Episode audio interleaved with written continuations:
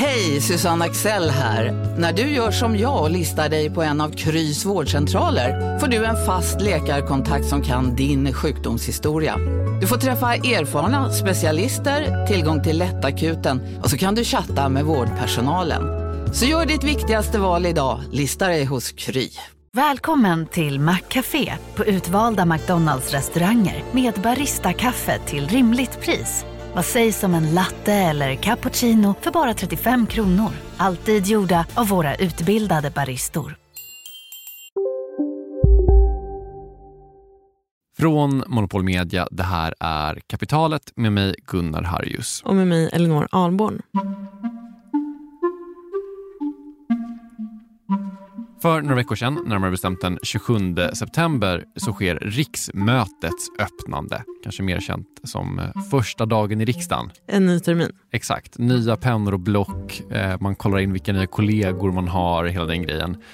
Det här är den första officiella dagen på den nya mandatperioden. Precis. Det är också den dagen som folk som gillar att ha folkdräkt på sig har folkdräkt på sig. Precis, eh, och det är en högtidlig dag generellt. I det officiella programbladet så står det att det här är första dagen för riksdagsledamöternas uppdrag och att citat ett klubbslag i kammaren kan ge eko in i framtiden och forma oss som nation och individer. Vackert ändå. Ja, jag tycker det är fint. Och som vanligt vid riksmötets öppnande så är det vår statschef Karl den 16 Gustav, den sjunde regenten i ätten Bernadotte och den längst sittande monarken i svensk historia som håller öppningsanförandet. Det är liksom han som officiellt öppnar mötet. Herr talman, ärade ledamöter av Sveriges riksdag. Det här är ju inte första gången som kungen öppnar riksmötet. Första gången var för 48 år sedan, den 11 januari 1974. Och kungen tycker att det här, alltså öppnandet 2022, kan vara ett bra läge att blicka tillbaka lite till den tiden. Tillbaka då till 1974. Vårt eh, land befann sig då i ett läge som eh, på många sätt påminner om dagens. Vi såg ekonomisk instabilitet i världen, stigande energipriser och hög inflation. Och det här är ju sant. Även 1974 hade vi, precis som kungen säger, lite obehagligt hög inflation som följd av en energikris och dessutom då eh, kanske man ska säga en lite mer allmänt krisig stämning i hela världen. Mm, väldigt likt faktiskt. Precis. Samtidigt så är det ju så här att någon gång efter 1974 så slutade det ju vara jättehög inflation och energikris och allmänt ekonomiskt jobbigt sådär. Mm, så måste det ju ha varit. Så jag tänkte att det kunde vara rimligt att göra en liten tidsresa och se vad man faktiskt gjorde då. Så att vi kan lära oss av eh, historien, som, mm. vi gärna gör. Ja. Så i dagens Kapitalet ska vi åka tillbaka till 1970-talet. En tid då man, precis som nu, hade det riktigt jobbigt ekonomiskt. Vi ska se vad de gjorde rätt, vad de gjorde fel och om lösningen på gåtan “Vad ska vi göra nu?” kanske finns dold i historien. En ekonomisk tidsresa efter det här.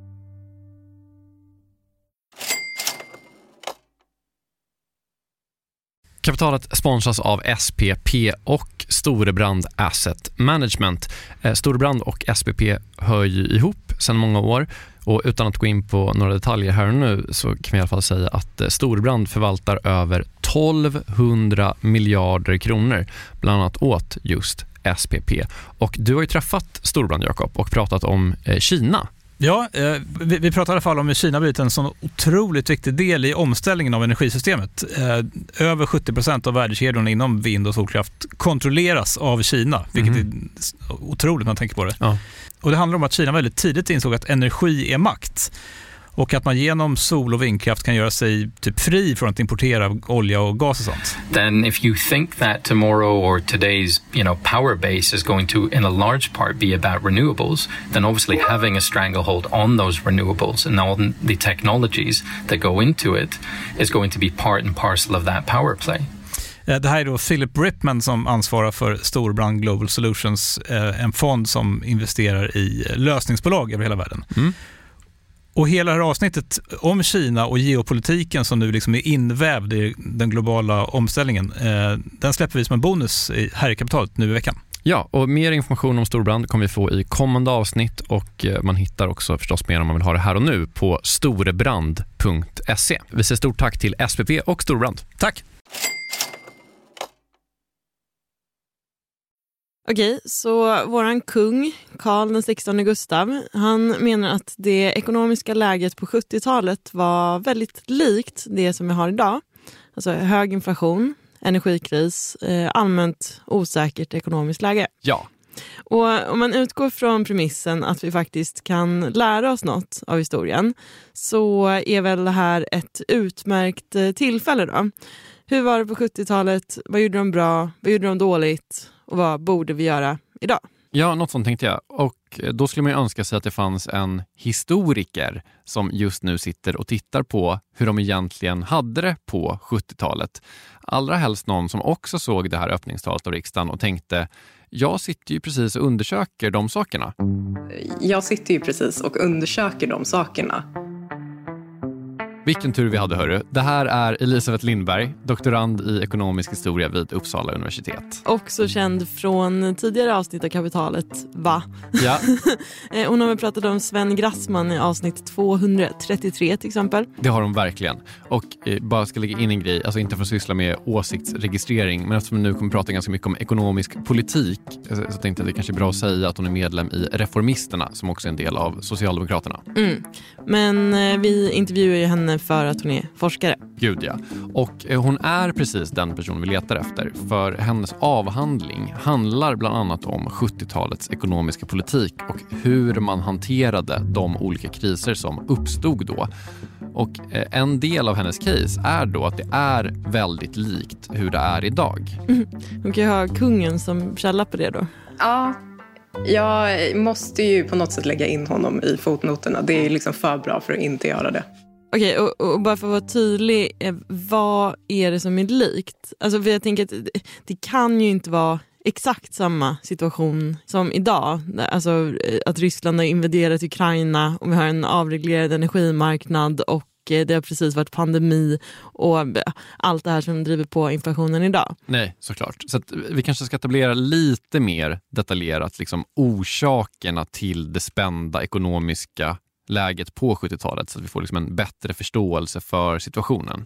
Ytligt sett är ju inflationen det, mest, det som är mest likt.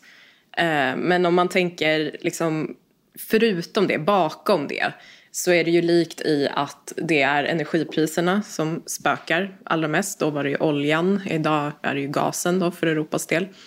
Eh, det är likt i att det var ett krig i botten.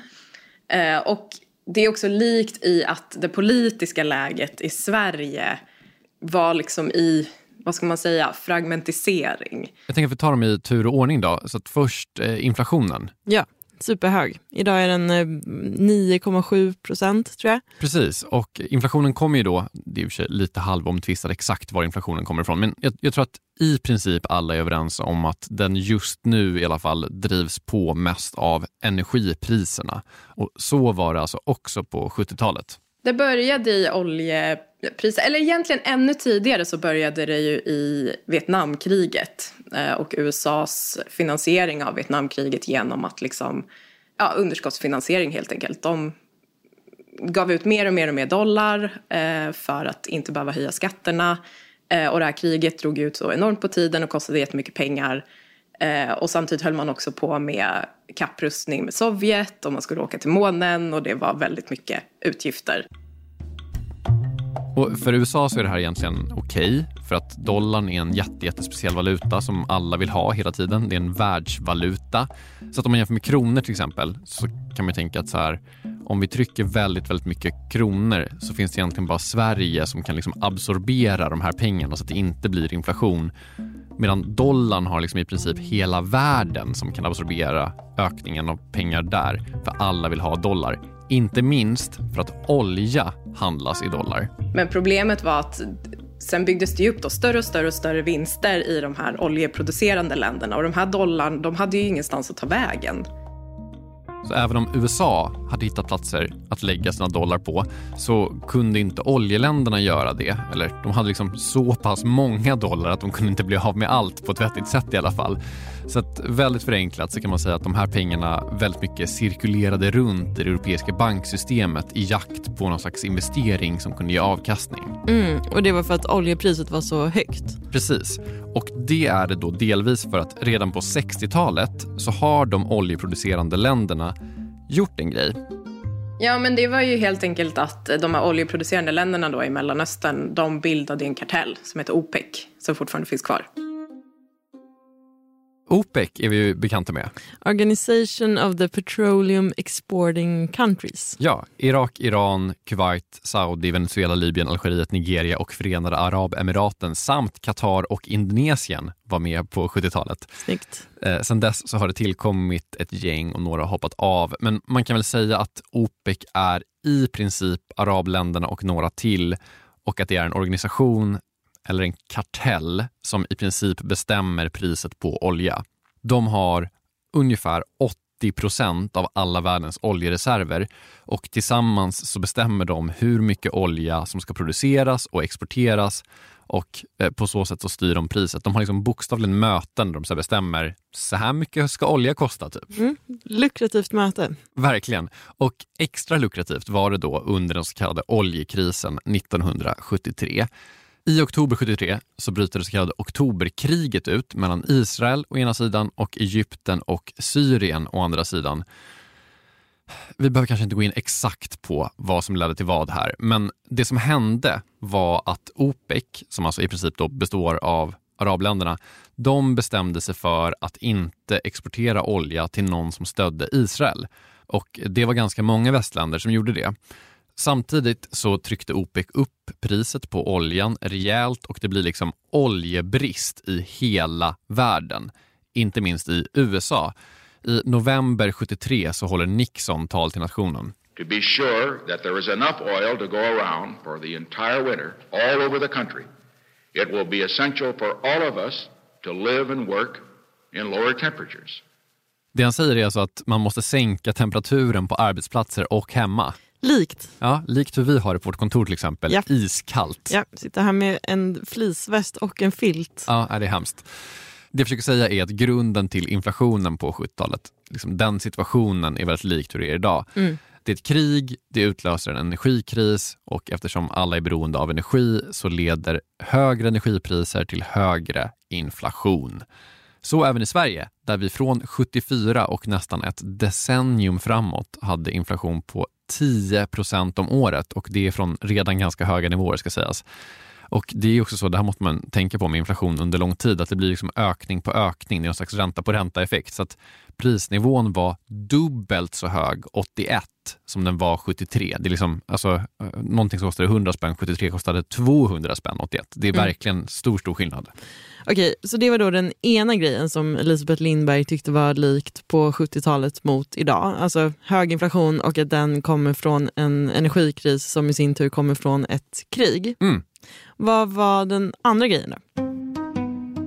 Den andra grejen var då det politiska läget som precis som det varit nu i rätt många år var väl, vad ska man säga, lite rörigt. 1973 hade man ju fått då en eh, riksdag som var exakt jämn, alltså 175-175 mandat.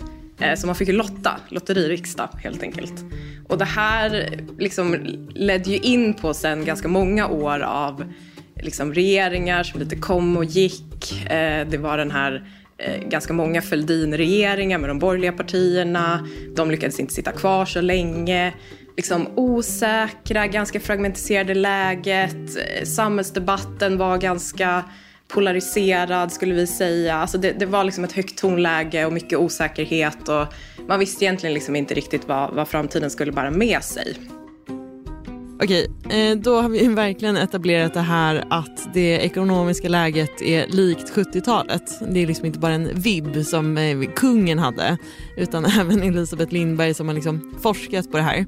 Ja. Men vad gjorde man då sen? Alltså om vi ska kunna lära oss något av det här så måste vi också då få lära oss hur man tog sig ur det här.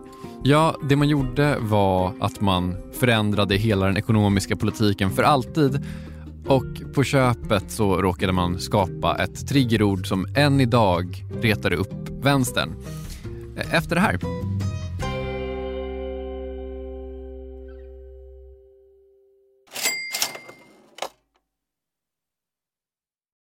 Jakob, vi har ett samarbete med Pareto Business School och det här är jag rejält nyfiken på. För Ja. att eh, eh, så här, vi jobbar ju sida vid sida, bokstavligen, sitter bredvid varandra och då och då så håller du upp ett finger och säger nu måste du vara tyst i en timme för nu ska jag eh, göra något Pareto. Exakt. Ja. Eh, Jag gillar ju att lära mig nya saker, det gör ju många journalister. Eh, Så den här våren går jag då en åtta veckor lång så kallad mini-MBA. Eh, Alltså jag hade gärna gått en riktig MBA också, men, men ja, jag har inte tiden det kräver och, och framförallt ingen arbetsgivare som vill betala 800 000 för att låta mig göra det. Nej, eller kanske du har, du är ju arbetsgivaren. ja, snål, snål arbetsgivare. Mm. Eh, det- eh, Det är då Jens Bäckbom och Mattias Eklöf, två svenska entreprenörer som har skapat den här utbildningen just eftersom det finns ett gigantiskt hål mellan typ YouTube-filmer och en, en riktig MBA. Ja, och det här är då Pareto. Exakt, Ja. Pareto MBA. Eh, Paretos utbildning kostar cirka 25 000 kronor och, och under åtta veckor så lär man sig jättepraktiska och tillämpbara modeller för hur man startar, skalar upp, driver och säljer bolag. Eh, Jens och Mattias eh, de håller själva i många av föreläsningarna. De är garvade entreprenörer båda två. Mm. Och har man så olika gästföreläsare som kom in. Mm. Typ någon kille som, som eh, var expansionschef på Spotify, någon som körde marknadsföring på Revolut, eh, en kille som driver Sveriges största campingkedja, Mm. som har varit med i kapitalet faktiskt, Okej. Johan Sör. Ja. Ja, just det. Också varit en helt otrolig svensk eh, entreprenör som byggt massor med grejer i Vietnam. Alltså makalösa berättelser. Ja, wow. Eh, Så den här kursen består av en blandning förinspelade moment och seminarier, men man går också i då så här kohorter tillsammans med andra deltagare från Sverige och utlandet. Jättenyttigt, eh, eh, tidseffektivt och funkar jättebra för, för den som vill driva egen verksamhet som, som typ vi gör här. Eller om man typ driver projekt och affärer i större bolag. Wow. Om man är taggad på att eh, bli en del av den här, liksom, vad ska man säga, Jakob skolan om man vill bli som dig, lära sig lika mycket som, som du har lärt dig, vad, Ja. vad gör man då? Eh, Nästa kursstart är 5 april. Eh, Så vill man ta ett kliv framåt i sin utveckling eller karriären eller så, gå då till arbetsgivaren och kolla om du inte kan gå den här utbildningen.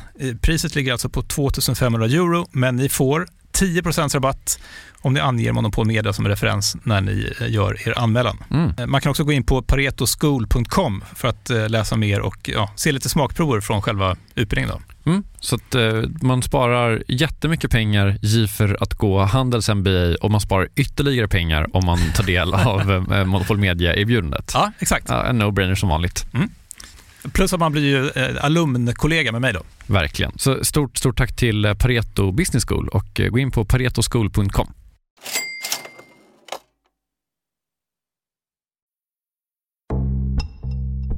Okej, det ekonomiska läget idag är väldigt likt det ekonomiska läget vi hade på 70-talet enligt både kungen och Elisabeth Lindberg, doktorand i ekonomisk historia vid Uppsala universitet. Ja, och vi har nu kommit fram till vad man faktiskt gör åt det här på 70-talet. Och det första man gör, det är lite likt det man gör idag, det vill säga höjer räntan, stramar åt finanspolitiken lite grann och det funkar typ en period. Man har ju den här idén då om det här som, det som kallas Philipskurvan. Alltså att det finns ett samband mellan inflation och arbetslöshet.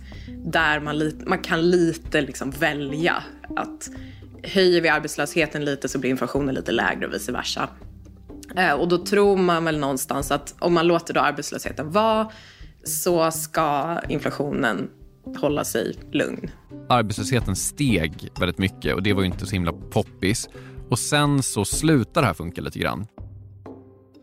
För då kommer man in i ett annat läge, nämligen att det blir recession eh, om man inte är van vid recession. Och då kommer liksom det keynesianska tänkandet in att är det recession då måste man stimulera ekonomin och det gör man i det som brukar kallas för överbryggningspolitiken. Alltså man ska hoppa över den här lågkonjunkturen som kommer då 74, 75, Okej, så det här är någon sorts eh, gasa sig ur krisen-tänk då? Ja, men det skulle man nog kunna säga. Alltså, Sverige bestämmer sig för att helt hoppa över lågkonjunkturen. Så smart. Ja, verkligen. Tänk om man kunde göra så. Och börja liksom stimulera. Alltså man eh, underskottsfinansierar eh, olika saker. Man höjer inte skatterna. Man eh, tänker liksom att nu, nu måste vi ta till de där åtgärderna igen som gör att folk inte blir arbetslösa. Eh, typ beredskapsarbeten och, och den typen av saker då som man kan göra vid den här tiden. Eh, och hoppar väl typ över lågkonjunkturen. Så det blir inte så mycket, jättemycket lågkonjunktur i Sverige. Det funkar? Ja. Tills det blir... Tills det blir inflation.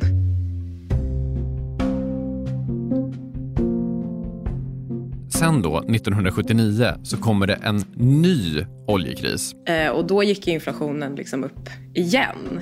Och under tiden då så hade man ju haft liksom olika då lönerörelser och löneavtal där lönerna då gradvis liksom höjdes i ganska många sektorer.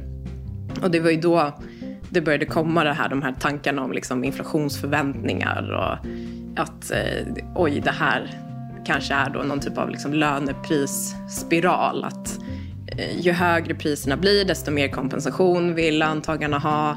Eh, och då höjs priserna igen och så höjs lönerna igen och så håller det på sådär.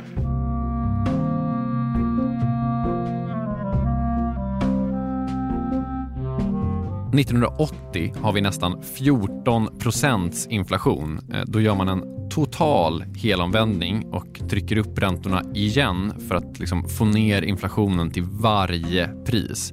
I USA kallas det för Volckerchocken och det här gör liksom att hela världens ekonomi går rätt trögt där i början på 80-talet. Eh, I Sverige görs det här liksom inte riktigt förrän på 90-talet med krisen som kommer där. Men även i Sverige påverkas vi ju av omvärlden och det är liksom en generell finanspolitisk omvändning som görs och ja, enligt Elisabeth Lindberg i alla fall så blir inte det heller så himla bra.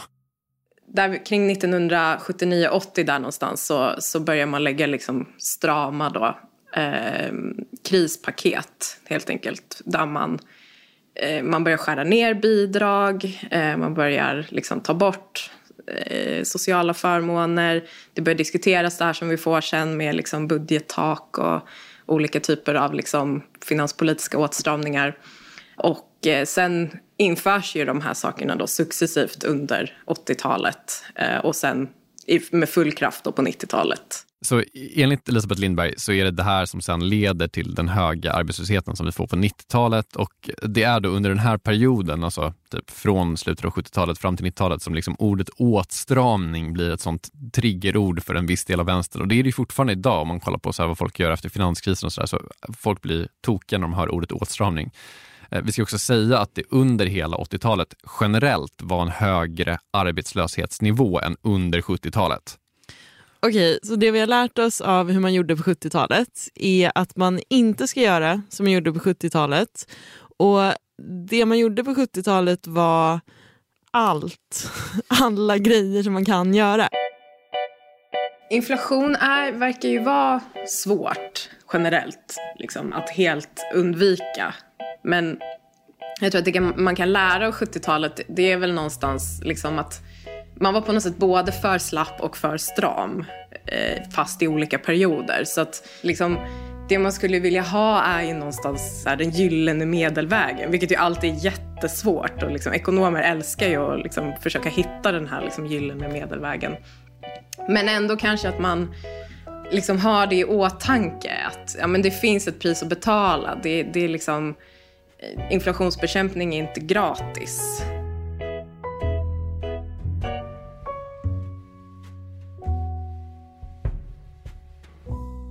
Men det Elisabeth Lindberg tycker att vi kan ta med oss som kanske lite mer hoppfull takeaway från 70-talet, eh, det är att det faktiskt finns någon slags kraft i politiken. Alltså den här gåtan som är vad ska vi göra åt inflation som kommer av energikriser, som kommer av krig som vi i Sverige kanske inte har jättemycket att göra med, eller vi styr i alla fall kanske inte deras utgång till 100 procent.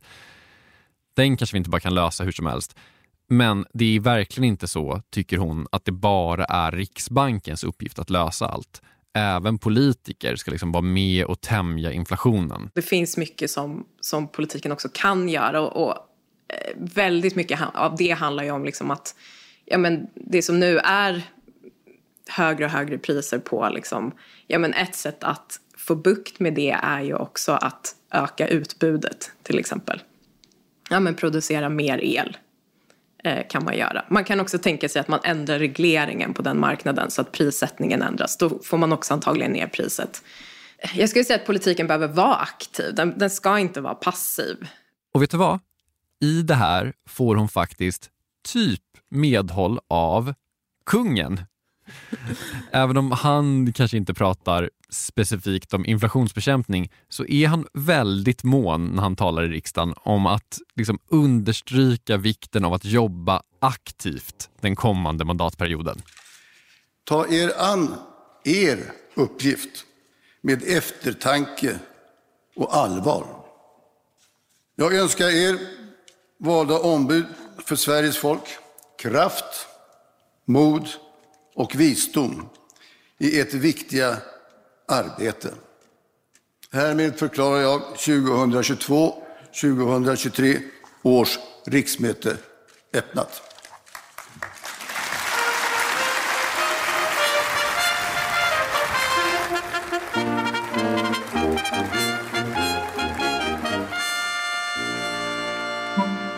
Kapitalet är slut för idag. Vi som har gjort det här avsnittet heter Gunnar Harjus och Elinor Alborn. Ansvarig utgivare är Jakob Bursell. Kristoffer Krook har mixat det här. Marcus Morey Haldin och Agnes Wenzel Blank jobbar också med kapitalet. Och så kan vi väl tipsa om marknaden med Helene Årstein. Det tycker jag verkligen. Kapitalet är tillbaka igen om en vecka. Hej då. Hej då.